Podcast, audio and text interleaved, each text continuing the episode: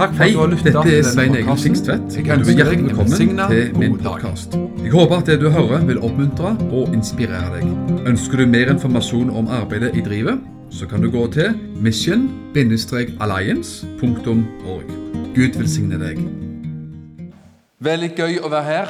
Veldig, veldig bra. Og um, håper at du skal få noe som du kan leve videre på da, av Guds ord. Faktisk så har jo møteleder vært litt innom noe av det jeg skal si. Men det er jo ofte sånn vet du, at det, ting er ikke så veldig mye tilfeldighet heller. Og det er jo veldig greit, da. Ja Noen ord fra Jesus.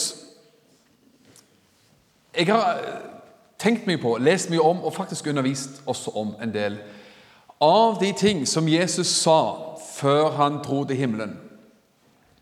Det kalles ofte for Jesu avskjedstale. Johannes 14, 15 og 16. Jeg skal ikke ta hei, liksom, alle de kapitlene, men eh, et par ord derfra i hvert fall. Og, eh, men hvis du og meg visste at vi hadde ei uke igjen å leve, hva ville du da gjort? Alle av oss vet noe av det. vet du, At uvesentligheter ville falle bort med en gang. Tull og vås ville falle bort. Og antagelig, hvis du visste det, at du hadde ei uke igjen å leve, så ville du samle, du ville være sammen med dine nærmeste. De som betyr mest. Familien. Og du ville antagelig formidle og si de ting og snakke om de ting som var det aller viktigste. Veldig ofte når vi tenker på det, så tenker vi når, vi snakker om de siste ting som Jesus sa her på jord, så tenker man ofte på misjonsbefalingen, og det stemmer jo.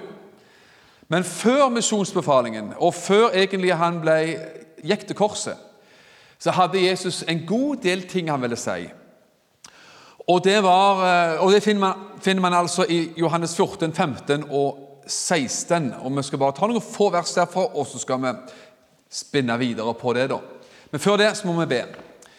Himmelske Herre, vi ber i Jesu Kristi navn at de ord vi skal dele her i dag, skal være til liv, til oppmuntring, til hjelp, Herre, til trøst, Herre.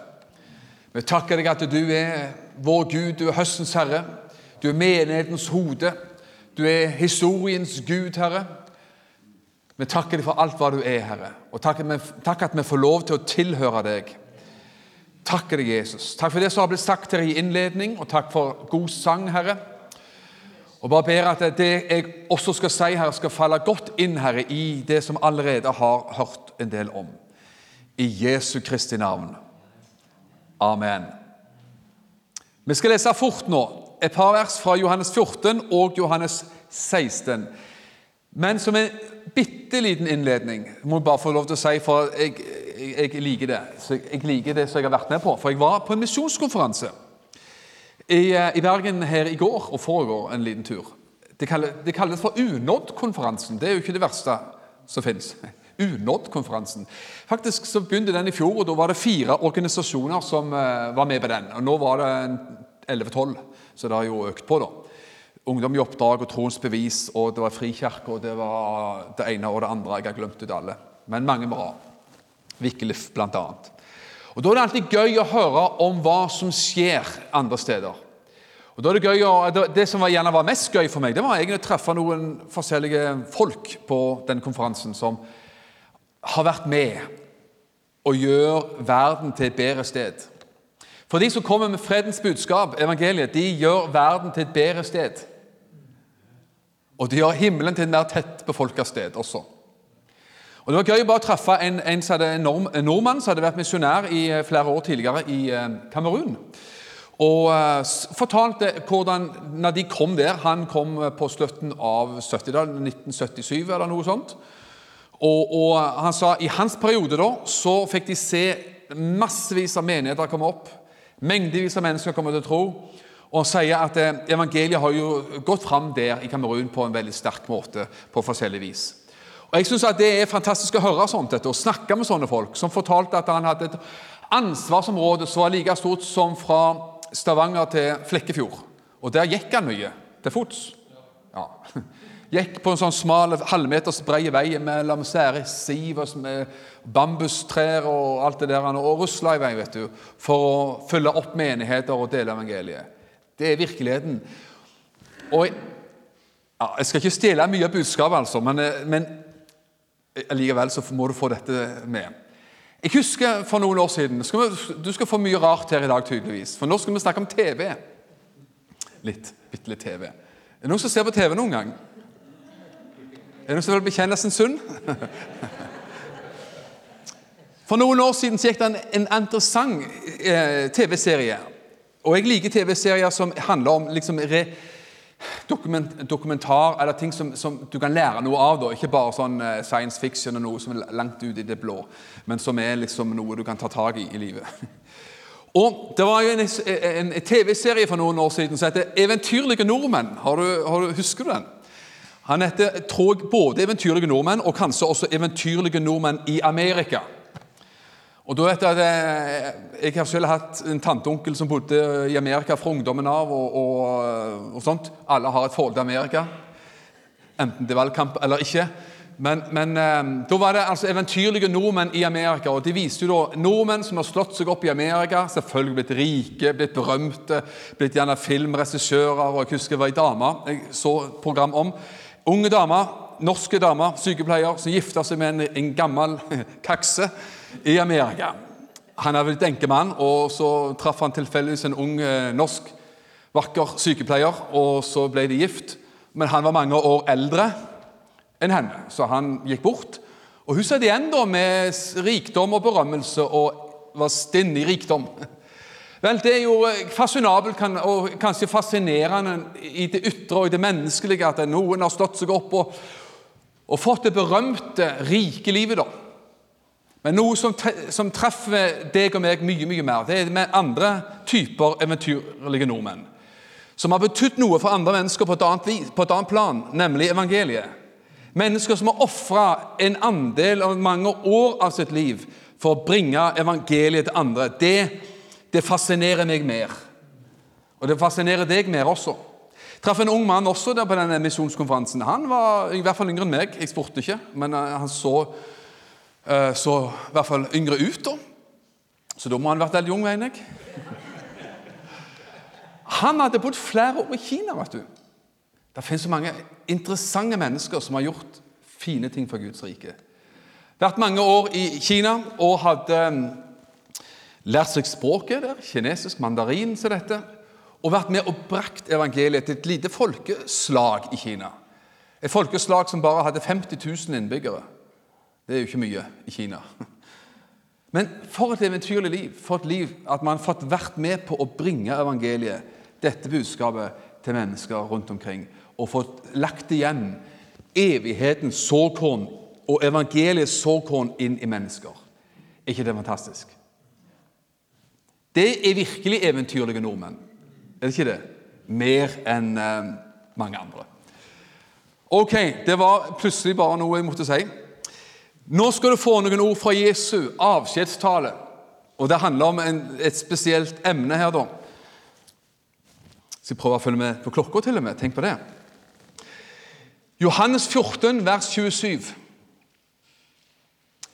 Fred etterlater jeg dere, min fred gir jeg dere. Ikke uh, den fred som verden gir. La ikke deres hjerte forferdes, og la, ikke, la det heller ikke gripes av frykt. Noe av det Jesus var opptatt av å si før han gikk til korset, og fra korset, fra korset, gikk det veldig fort. Han sto opp igjen fra de døde, og han dro til himmelen nokså kort tid etter det. Så noe av det som Jesus ville legge igjen som et sånn kraftfullt utsagn og løfte og oppmuntring, det var nettopp dette med fred. Fred skal jeg etterlate dere, sier Jesus. Hele sammenhengen her handler jo om at han sier 'jeg drar til himmelen'. Sa han. Jeg drar opp. Jeg drar opp til himmelen. Men er, jeg skal ikke ta alle ting sammen. Jeg skal ikke ta alle ting med meg. Jeg lar min fred være igjen. Freden skal bli igjen. Min fred. Og Faktum er at Jesus også snakker jo i sammenhengen her om mange ting, bl.a. om verdens forfølgelse. Vær ikke overraska, sa Jesus, om verden vil hate dere. Vær ikke overraska om verden forfølger. Det var også en av de tingene Jesus ville faktisk virkelig hva skal man si, gni inn virkelig sterkt. faktisk. Men midt i det så lover han noe helt utrolig. Han sier, 'Min fred skal bli igjen her nede.' 'Jeg drar opp, men freden min den blir igjen hos dere.' Også Den hellige ånd selvfølgelig har sagt om Den hellige ånd. Johannes 16, 33 handler om det samme. Det er jo også i den store liksom, talen til Jesus. Johannes 16, 33. Det er jo eh, helt i slutten av hans tale, før han i kapittel 17 ber sin såkalte ypperste prestelige bønn. Da, da, går Jesus i bønn for uh, disiplene sine og, ber også for oss. For han ber for de som ved deres ord skulle komme til tro. Så han ber for oss. Men uansett, i Johannes 16, 33, så konkluderer Jesus alt han har sagt, med disse ord. Alt dette har jeg talt til dere. Alt dette som jeg har sagt fram til nå, med andre ord. For at dere skal ha fred i meg. Fred i meg. Dere skal ha fred, sa Jesus. Hvilket løfte vi har fått utlevert av han. I verden, sa Jesus. Og dette at Jesus var jo ærlig. Er det noe? Jesus skal ha mye, altså. Han skal ha det at han var ærlig. altså. Jeg liker det. Han, var, han, sa, han sa alt. I verden skal dere ha trengsel. Med andre sagt på bedre norsk i verden kommer dere til å ha trengsler. sa han. Men vær ved godt mot. Vær ved godt mot midt i det at det er trengsler. Så vær ved godt mot, sånn, fordi jeg har seiret over verden. Se her bare I det verset her så er det jo mange løfter, gode og dårlige om du vil. Han sa vi skal ha fred. Det er jo et herlig fint positivt løfte. Så sa han etterpå kanskje et slags negativt løfte. da. Det blir trengsel, sa han. Det, blir, det, det går i motbakker en gang iblant. Det er jo liksom, det er løfte, det òg, men gjerne ikke så det gir ikke akkurat festivalstemning å høre om det. Men han sa to ting etterpå. da. Vær ved godt mot, og jeg har seiret over verden. Og det er fantastisk. Du vet at eh, Hvis man ser på verden i dag og Nå skal vi ikke drive med høytlesning fra aviser eller TV. Men ser man 20 år tilbake i tid, så var liksom verden et litt roligere sted. Det var en litt roligere periode for 20 år siden, sånn som jeg tolker det. Litt roligere fra Kina. Litt roligere forhold i Russland. Vi hørte ikke så mye om forgiftning for eksempel, eh, fra enkelte statsledere. Litt roligere forhold kanskje fra Iran. I hvert fall så har de skaffa seg litt mer våpen siden den gangen. Og vi kunne lagt, gjort lista lenger, om du vil. Men midt i det likevel, da, man lever nå i en meget kanskje spent og urolig eh, tid, tidsperiode, ser man utover verden, så har vi fått likevel et enormt løfte fra Gud. Og det er at i denne verden så skal vi ha fred. Midt i denne verden kan vi være bærere av fred. Og Nå vet jo ikke jeg om, om når du tenker på alt det jeg sa nå, utover verden, om det gir fred eller ufred. For ofte er det jo sånn at det, det er jo de tingene som kommer oss nær i livet, som gjør om vi har fred eller ufred. Ikke at det du hører om Midtøsten eller rundt omkring, enten det er Russland eller USA, eller øst eller vest, sør eller nord. Men det er som, det som skjer med oss, det som skjer med våre aller nærmeste, som gjerne avgjør hvordan denne freden da ser ut. Det er et herlig ord. Dette ordet 'fred' på hebraisk det kjenner du godt. vet du. Er det, er det ett hebraisk ord du kjenner og kan, så er det jo ordet 'fred'. Shalom. ikke sant? Det, du har hørt den sangen både, både på hebraisk og norsk. Det er Guds fred jeg vil gi deg. ikke sant? Shalom er herlig ord.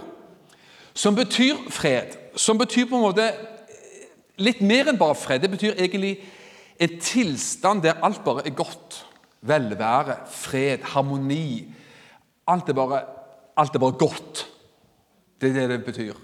Og tenk det at på hebraisk og Israel så bruker man ordet hele tida. Shalom, shabbat shalom, fredelig sabbat osv.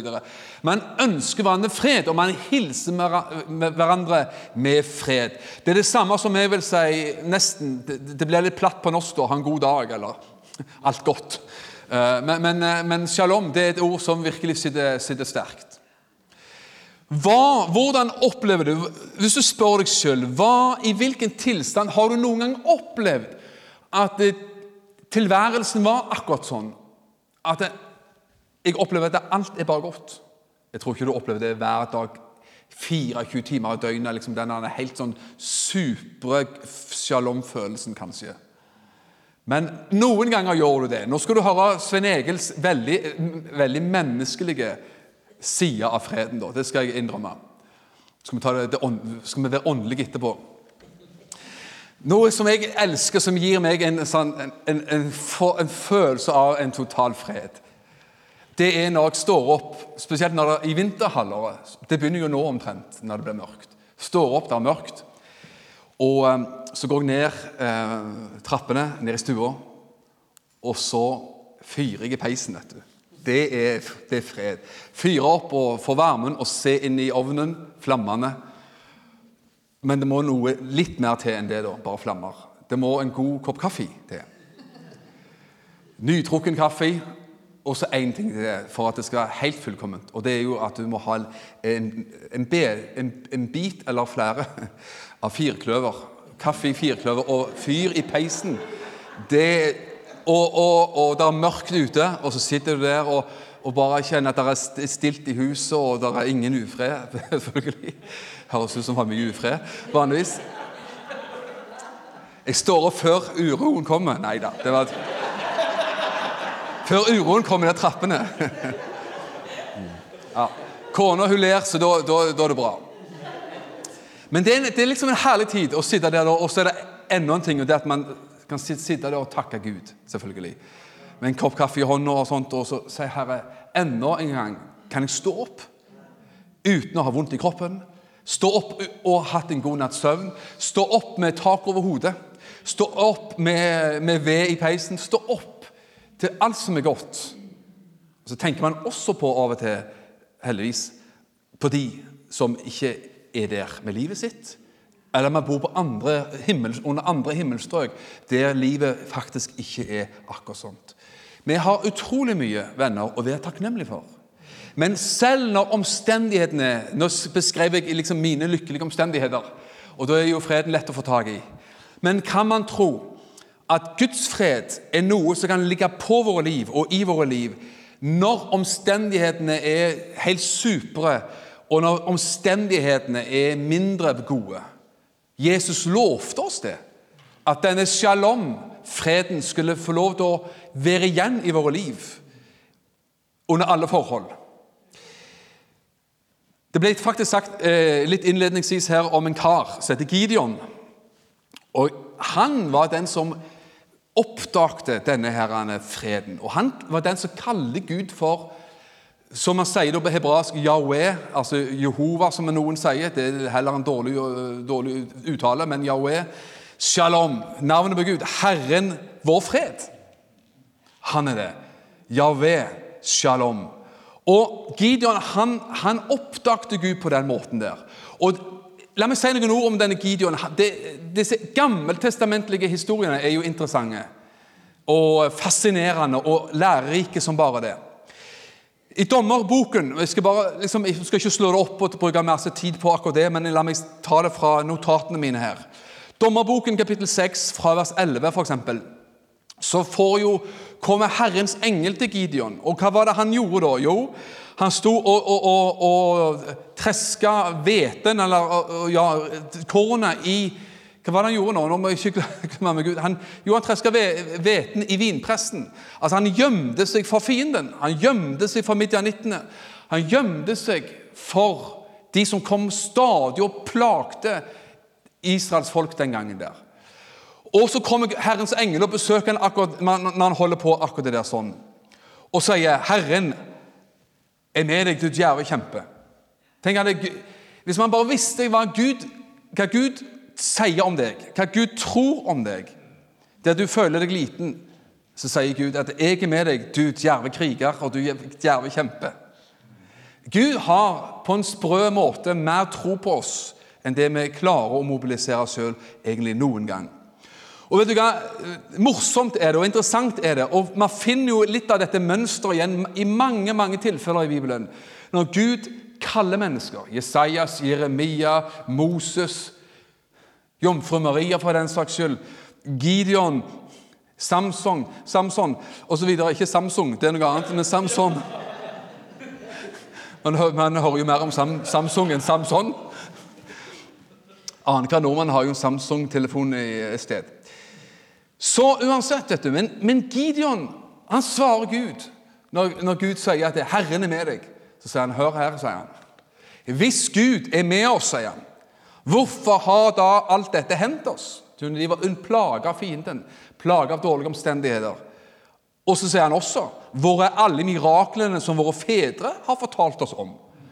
Så han sier at det, det, det, ha gått, det, har gått lang tid mellom hvert under vi hører om. sier han. Skal vi gå til liksom under, så må vi gå så veldig langt tilbake inn i tid. Hvor er det blitt av alle dagens under, sier han. Hvor er Gud hen? Men det er som om Herren ikke liker å svare på sånne spørsmål. Og svare på våre kanskje av og til dumme spørsmål. Jeg vet ikke. Vet ikke hva Gud sier etterpå heller. Når han sier 'Hvor har det blitt av alle miraklene?' så sier Gud bare 'Gå av sted, så sterk som du er', sier han.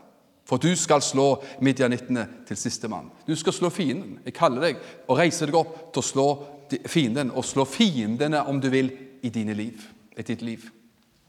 Så, så Gud svarte ikke på det spørsmålet, men han sa bare det at du, gå av sted så sterk som du er. Om du ikke får noe annet godt ord med deg her i dag, så, så ta det ordet. Du går av sted i dag så sterk som du er. Og når du gjør det, så skal du få se at Gud er med deg. Gideon han gir seg ikke så fort, vet du, og det er ofte sånn at det gjør ikke du og meg heller. Gideon kommer med sitt problem i vers 15. Han sier det, 'Hvordan skal jeg kunne frelse Israel?' sier han. Hvordan skal det gå til? Hvor mange har ikke sagt det? Jomfru Maria sa det samme. Hvordan skal dette gå til, sa hun. Jeg skal ikke vært sammen med noen mann.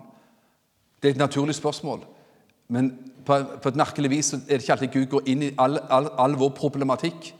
Men han oppmuntrer oss til å gå av sted uansett. Og han sier 'Jeg skal være med deg når du går'. Men uansett, Gideon sa 'Hvordan skal jeg kunne frelse Israel?' Se, min stamme er den svakeste i Manasseh, og jeg er den minste i min fars hus. Så han var, Stammen hans var den svakeste. Det var den dårligste stammen av de tolv stammene, tydeligvis. I, I hvert fall ifølge han. Og han tilhørte den dårligste stammen, og så var han den minste og svakeste og mest elendige i den stammen. Så han var den verste av den verste. Den svakeste av den svakeste. Men Gud sa, vers 16, da har du det igjen, vet du. Sannelig, jeg vil være med deg. Så Det første Gud sa, det er at gå av sted så sterk som du er. Og neste svar på neste problem var sannelig, jeg vil være med deg, og du skal slå midjanittene til sistemann. Og så er det interessant å, å se hvordan Gud tar en mann som var den minste av den minste, den svakeste av den svakeste, ifølge han sjøl. Og ender opp med, når de skal da virkelig rykke fram mot fienden, så har han, så har han virkelig fått selvbildet sitt opp, altså. For da sier han når vi, frem, når vi rykker fram, så skal dere rope alle sammen, sier han. For Herren og for Gideon, sa han. Vet at Vi hadde vært så åndelige at vi hadde sagt bare for Herren. vet du. Men altså, han, han, tog, han tok med seg sjøl òg. Rop ut for Herren, og forresten for Gideon også. Så da, da var selvbildet kan du si, og, og, og svakheten forandra til djervhet og frimodighet. Men før, midt imellom disse to hendelsene, da, fra at Gud kaller han og taler til han gjennom engelen, og at han rykker fram og, og slår til mot midjanittene, så får jo Gideon lyst til å lage i stand et måltid til denne Herrens engel. Og sa vent nå litt, sier han, så jeg får lage til i stand et godt måltid til deg. Og så skjønner han jo mer og mer at dette, er jo, dette, dette blir veldig spesielt. For når han setter fram måltidet, så rekker engelen fram bare hånda si, eller staven sin, og så, så går hele måltidet rett opp i flammer. Men Da er det, da er det ild, på, ild tenning uten like. vet du. Og da får Gideon sitt store sjokk, vet du. Når han ser hvordan Gud er der og berører så veldig veldig, veldig sterkt. sant? Og så sier han jeg har sett Herren, sier han, han ble redd, han ble, fikk sånn gudsfrykt og ærefrykt i sitt liv. Han sier til, 'Jeg har sett Herrens engel ansikt til ansikt', sier han. Liksom skrekk og gru. Hva er det jeg er med på? Men vet du hva, da er det Herren sier til ham, og da, da, da er vi litt tilbake til freden her. Da Da sa Herren til ham, Vær, 'Fred være med deg'. Det er det Gud sa. Etter han har gått gjennom den ene liksom, grensesprengende opplevelsen etter den andre og tenker hva, hva skjer her nå? Så sier Gud, 'Fred være med deg. Frykt ikke, du skal ikke dø.' Og det trengte han å høre. For det neste Gud kalte eh, Gideon til å gjøre på natta, det var faktisk å rive ned avgudsalterne til hans egen far. Og han, Det ser ut som at han eh, kunne gjort det på dagtid, men han torde ikke. Han gikk på natta. Han var litt sånn, tok oksen til faren til og med. Tjuvlånte oksen.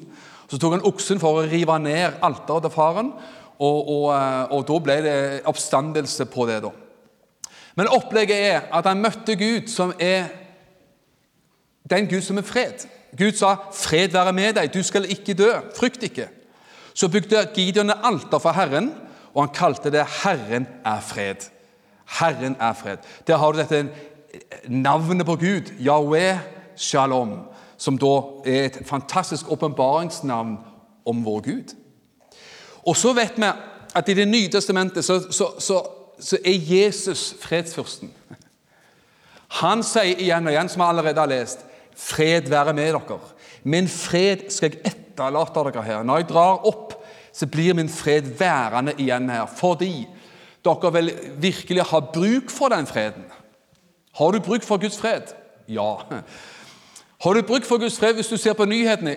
Sannsynligvis. Har du bruk for Guds fred i omstendighetene, i de nære omstendighetene i livet ditt? Ja, garantert. Man har bruk for Guds fred. Man har bruk for løftet, Det løftet om Guds fred som vi kan alltid ha med oss. Så vi ser hvordan Gud forandrer Gideon, gir han fred, fører en mann fra å være redd og fryktsom til å ha fred i livet sitt. Hvordan Gud forandrer en mann som Gideon til å ha dårlig selvbilde og føle seg som den minste av det minste, til å rope ut for Herren og for Gideon. og var, Gud brukte han til å forandre situasjonen for sitt land og sitt folk den gangen. det er sånn. Når livet går godt, så er det ganske så lett å ha fred. Også når Svein Egil får se inn i peisen vet du, og drikke en kopp kaffe på morgenen mens det er mørkt ute, da er det lett å ha fred. I andre omstendigheter så er det ikke så lett å ha fred for noen av oss. Likevel så kan vi faktisk få lov til å tro på Guds løfte og få lov til å eie den freden. La oss lede av den freden. Ha den freden med oss fordi det er ikke vår fred, det er hans fred. Det er ikke heller verdens fred, sier Jesus. Han presiserte det. Ikke den fred som verden gir. Ja, Hadde det vært det, ja da, hva fred er nå det, da? Den varierer jo veldig da, fra periode til periode og for hvor man, titter hen her i, på kartet. Men hans fred Jesu fred og himmelrikets fred finnes tilgjengelig for hver eneste en av oss. Jeg tror til og med, uten å snakke lettsindig og ja, lett om det Men kan man likevel tro at denne freden fins der for oss, også når det tragiske og det uforklarlige har skjedd? Hvis jeg spurte deg har du noen gang opplevd, hørt om eller opplevd på nært hold at uforklarlige ting skjedde, tragiske ting skjedde. Ting som på en måte ja, ikke skulle ha skjedd. Det kan være at noen døde før tid, og ulykker skjedde. Ting som bare, var, bare rysta livet til, inn til livets grunnvoller. Kan man likevel midt i det ta tak i Guds fred, oppleve Guds fred? Oppleve at den freden der er med og bærer oss igjennom når vi ikke har gode svar. Alle av oss vil komme dit hen i livet. Alle, det fins ikke en person som ikke opplever at, det, at det, livets paradokser treffer inn av og til. På en sånn et vis at man tenker at det her eller kanskje bare én ting man kan gjøre, det er å hente fram Guds fred, eller klamre seg til Guds fred. Tjore seg fast til den stolpen i livet som er Guds fred, til stormen har lagt seg. Og, for det gjør han vanligvis. Men kanskje at man også gjennom resten av livet opplever at det fins visse ting som jeg ikke får svar på på denne siden av evigheten. Hva gjør man da når ting skjer som man ikke får svar på i dette livet? Hva gjør man da? Ja, Noen bærer det da med seg på en sånn måte at det blir en, en skygge som følger en i livet, og som blir en slags angrep på livskvaliteten. Men kan man få nåde til å midt i det legge det uforklarlige, der man ikke skjønner de svar man ville ha, på Gud likevel, og si 'Herre, jeg klamrer meg til din fred' og stoler på at en dag skal jeg forstå fullt ut. Fordi den, på denne siden av, av, evigheten så forstår man stykkevis. Man kan godt si at man forstår mer og mer dess mer man leser Bibelen og vandrer med Jesus, vandrer gjennom livet. Så vil man jo forhåpentligvis forstå mer og mer. Men det vil likevel være ting som man aldri forstår fullt ut. Men da, en gang, så skal vi få lov til å se og forstå fullt ut, naturligvis. Denne freden som Gud gir, er bare helt fantastisk. Det er nydelig på alle vis. Guds fred. Jesus som er fredsfyrsten, og som har sagt 'Jeg skal etterlate dere min fred'. Hvordan, La oss lande litt sånn ganske snart her og, og spørre hvordan kan vi få tak i den freden? Hvordan kan vi eie den freden? Hvordan kan vi gjøre oss nytte av den freden? For det trenger man virkelig. Sånn at det ikke bare blir, var liksom et munnhell fra Jesus. Det var bare et, et, et verbalt løfte fra Jesus. Det er jo ikke Jesus interessert i bare å komme med gode valgløfter uten å holde dem. Han mente det jo, at min fred kan dere ha igjennom alle ting.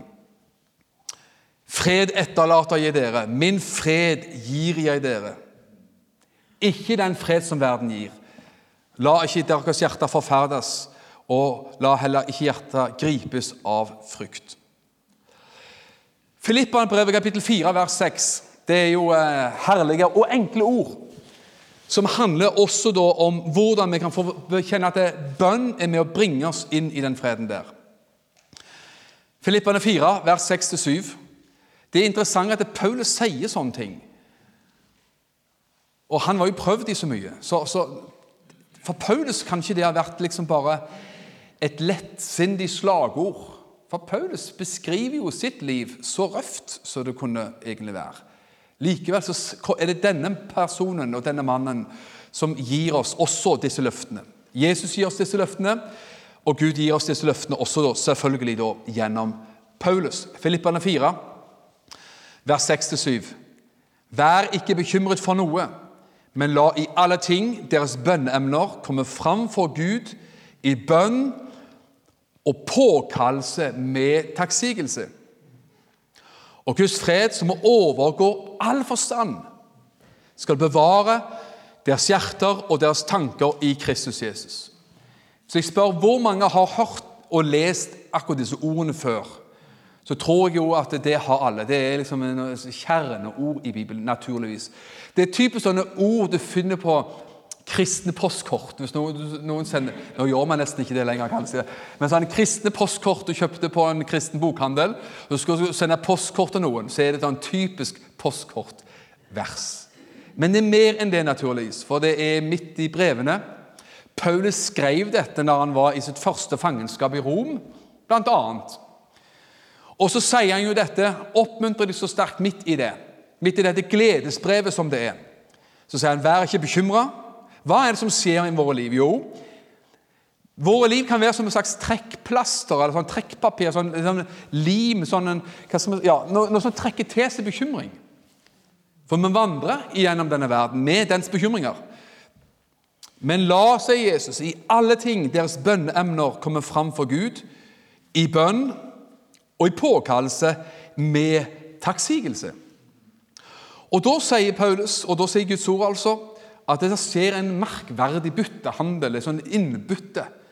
Vi kan få bytte inn hos Gud vår bekymring, vår ufred, våre byrder og Guds fred. Så, så, får man Guds fred i stedet for. Det er jo en god bytte, altså. Og Guds fred som overgår all forstand. Altså overgår ja, rett og slett forstanden vår, enten den er stor eller liten. Jeg, kom, jeg, kommer på mye rart her når jeg er i baptistkirka. Hva, hva, er det med dette stedet, altså?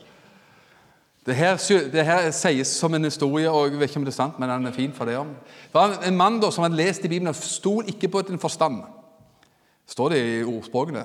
Så han, han ba høyt på, på, et møte, og en mann da, så han ropte ut 'Herre, løs meg fra forstanden', sa han. han